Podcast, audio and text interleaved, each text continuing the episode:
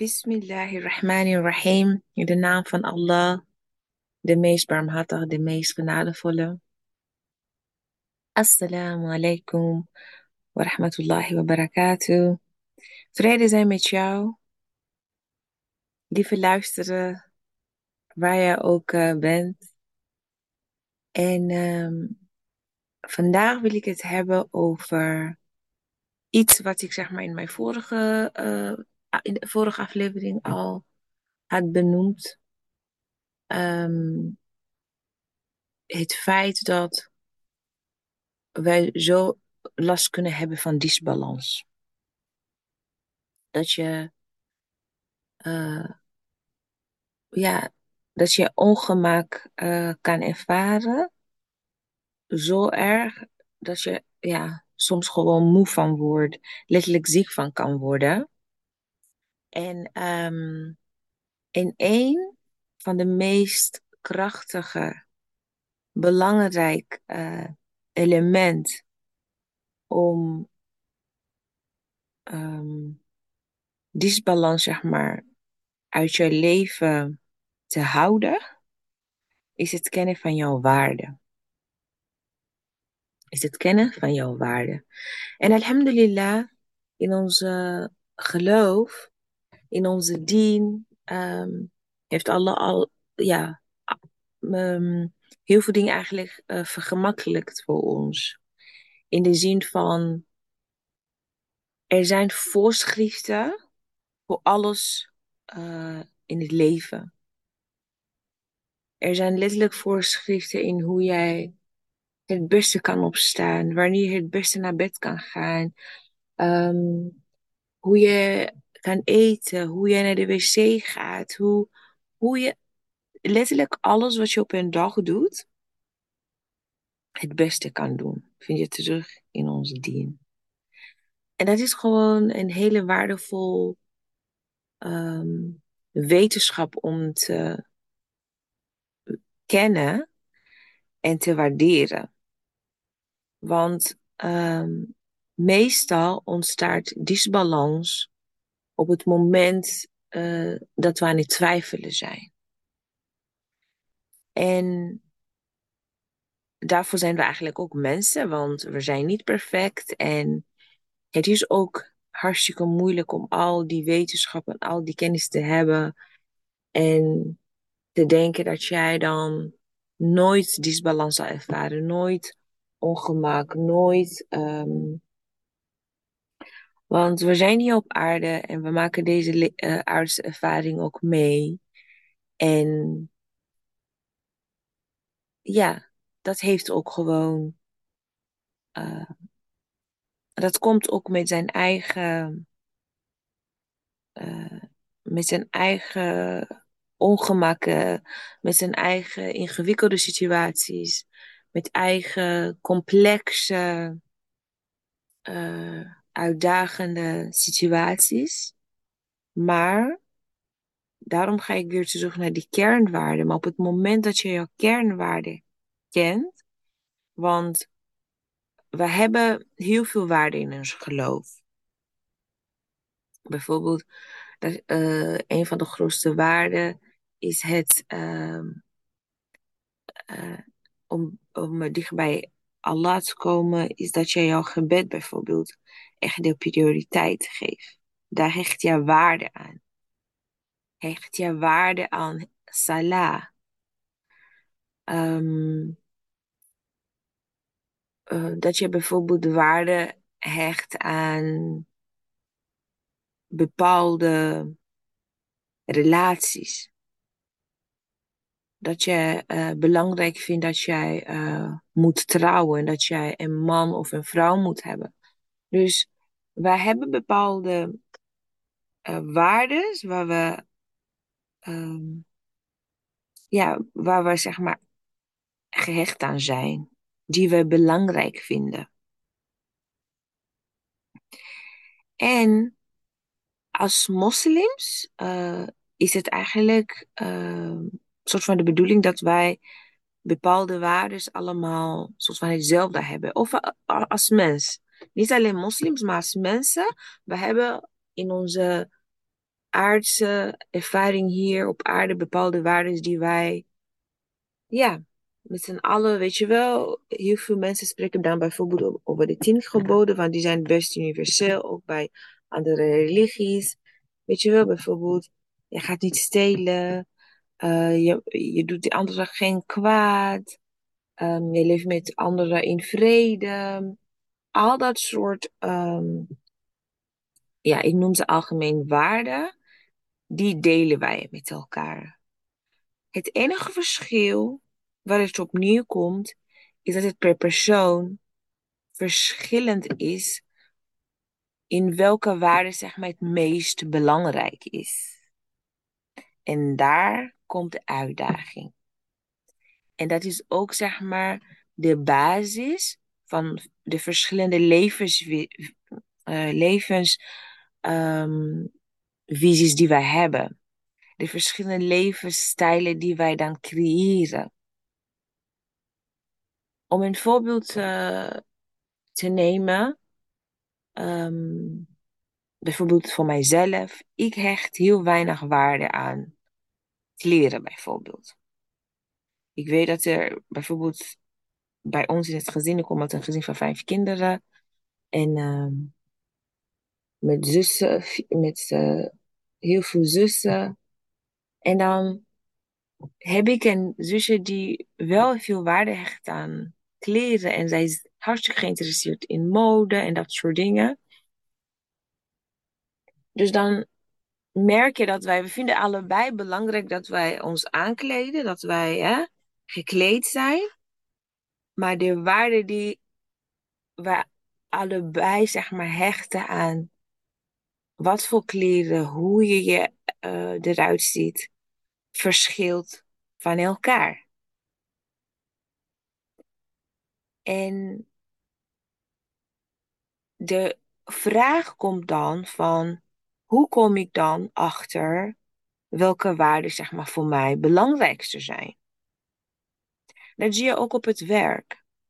Je hebt mensen die heel veel waarde hechten aan vrijheid bijvoorbeeld. Dat soort mensen zijn vaak leiders of hebben eigen onderneming.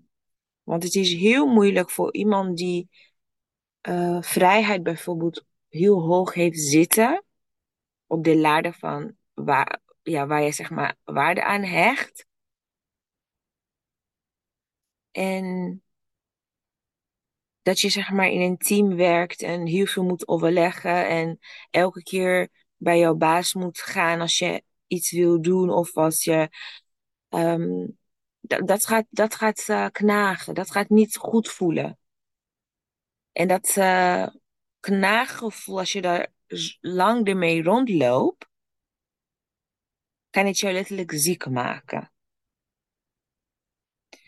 Dus um, om terug te komen uh, in ons, om terug te komen naar onze geloof, is het heel erg belangrijk. En er zijn genoeg uh, trainingen, er zijn genoeg cursussen, er zijn genoeg boeken waar je zeg maar kan lezen over welke waarden bijvoorbeeld in de islam belangrijk zijn. En vanuit daar kan je zeg maar voor jezelf gaan kijken van oké, waar hecht ik zeg maar het meest waarde aan? Om ervoor te zorgen dat je, uh, als je disbalans ervaart, dat je gaan kan, dat je gaan kan kijken van oké, um, waar gaat het eigenlijk nu over? Voel ik mij beklemd? Weet je, waar gaat het nou over? Vrijheid? Gaat het nou over uh, liefde geven en liefde ontvangen op de manier waarop het niet bij mij past? Um, gaat het over dat ik moe ben door het eten wat ik eet of door mijn dag- en nachtritme. Dus die waarden, ja, de dingen waar je waarde aan hecht, gaan jou heel makkelijk, kunnen jou heel makkelijk zeggen waar het hem in zit.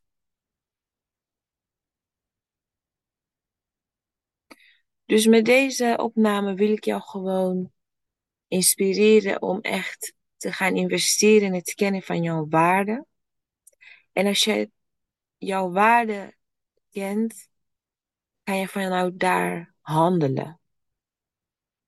En ook echt uh, vanuit jouzelf. Dat jij niet kijkt naar, oké, nee, zo wil mijn moeder dat ik ben. Zo wil mijn partner dat ik ben. Zo wil mijn baas dat ik ben. Nee, het begint bij jouzelf. Want op het moment dat je ook op het werk, zeg maar, uh, komt te werken in een team of bij een baas, dan is het ook belangrijk dat je die dingen kan aangeven. Stel dat jouw baas um, verwacht dat je heel, heel erg flexibel bent. Uh, maar jij weet van jezelf van ja, ik hou van regelmaat en vastigheid. Dus als je verwacht dat ik flexibel gaat zijn, dat, gaat, dat, dat, dat, dat kan ik niet waarmaken. Dan kan je dat gelijk communiceren. En dat is dan de volgende stap. Hè? Want meestal ervaren mensen disbalans en kunnen ook echt grote problemen ontstaan in relaties, in de thuissituatie op het werk, waar je ook bent, zeg maar, met je eigen kinderen thuis. Op het moment dat je jouw waarde niet kent en ze dus niet kan communiceren. Dus dat is iets wat ik ook heel vaak zie. Op, het moment dat, als je, als je iets niet kent, kan je het niet communiceren. Dat is, dat is logisch. Dus het is echt heel erg belangrijk om te investeren in, oké, waar hecht ik mijn waarde aan? En, um, en dan kan je ook naar de volgende stap van, oké, hoe kan ik dat communiceren? Dus uh, ja, daar wil ik deze opname eigenlijk ermee afsluiten. Dus ik wil je uitdagen om uh, ja, jouw waarde te gaan ontdekken. En zodat jij dat ook zeg maar, naar je omgeving kan communiceren. Om op die manier zeg maar, in balans te blijven. Ik zal eindigen met een voorbeeld vanuit mijn eigen thuissituatie. Ik hecht heel veel waarde aan me-time en moment van rust, moment van stilte, moment van dat ik even een moment heb voor mijzelf. En um, voordat ik kinderen kreeg, was dat heel makkelijk om te doen. Want als uh, de, mijn man weg was of als uh, gewoon thuis kon ik me terugtrekken in mijn kamer. Toen ik nog thuis woonde. Dus ik had best veel mogelijkheden om die moment van stilte, die moment met mijzelf te creëren. Maar toen ik moeder werd, werd dat lastig. Want als moeder wil je 24-7 voor jouw kinderen zijn. Als moeder wil je eigenlijk niks missen van jouw kinderen. En ik weet dat ik echt benauwd begon te voelen. Omdat ik die waarde van tijd maken voor mijzelf. Uh, ja, niet meer aan bod kwam. Er was helemaal geen tijd, ruimte meer daarvoor. Tot ik echt die stilte momenten begon in te lassen met mijn kinderen. En dat duurde wel een paar jaar, weet je, tot de kinderen zeg maar, uh, ja, hoe oud waren ze? Twee jaar geleden, ze waren toen vijf en vier, vijf en drie echt op het moment dat ik echt met hun kon communiceren van oké, mama gaat nu even niet praten tot wanneer de zon onder is. Ik noem maar iets. Want ze konden toen geen tijd lezen, niks. En uh, dan kon ik echt een paar uurtjes even een uh, soort van moment voor mijzelf inlassen in stilte. Ik was wel aanwezig in de zin van ik zag wat ze deden. Ik kon, ik kon met ze in, in interactie blijven. Maar ik dacht, ik ga gewoon even niet praten, want praten kost ook veel energie soms.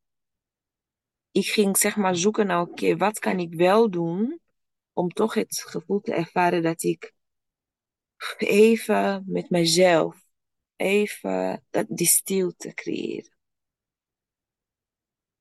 Dus dat is echt een klein voorbeeldje van het kennen van jouw waarde, waar je waarde aan hecht. En hoe je dat voor jezelf, zeg maar, ehm, hoe je het vorm kan geven voor jezelf.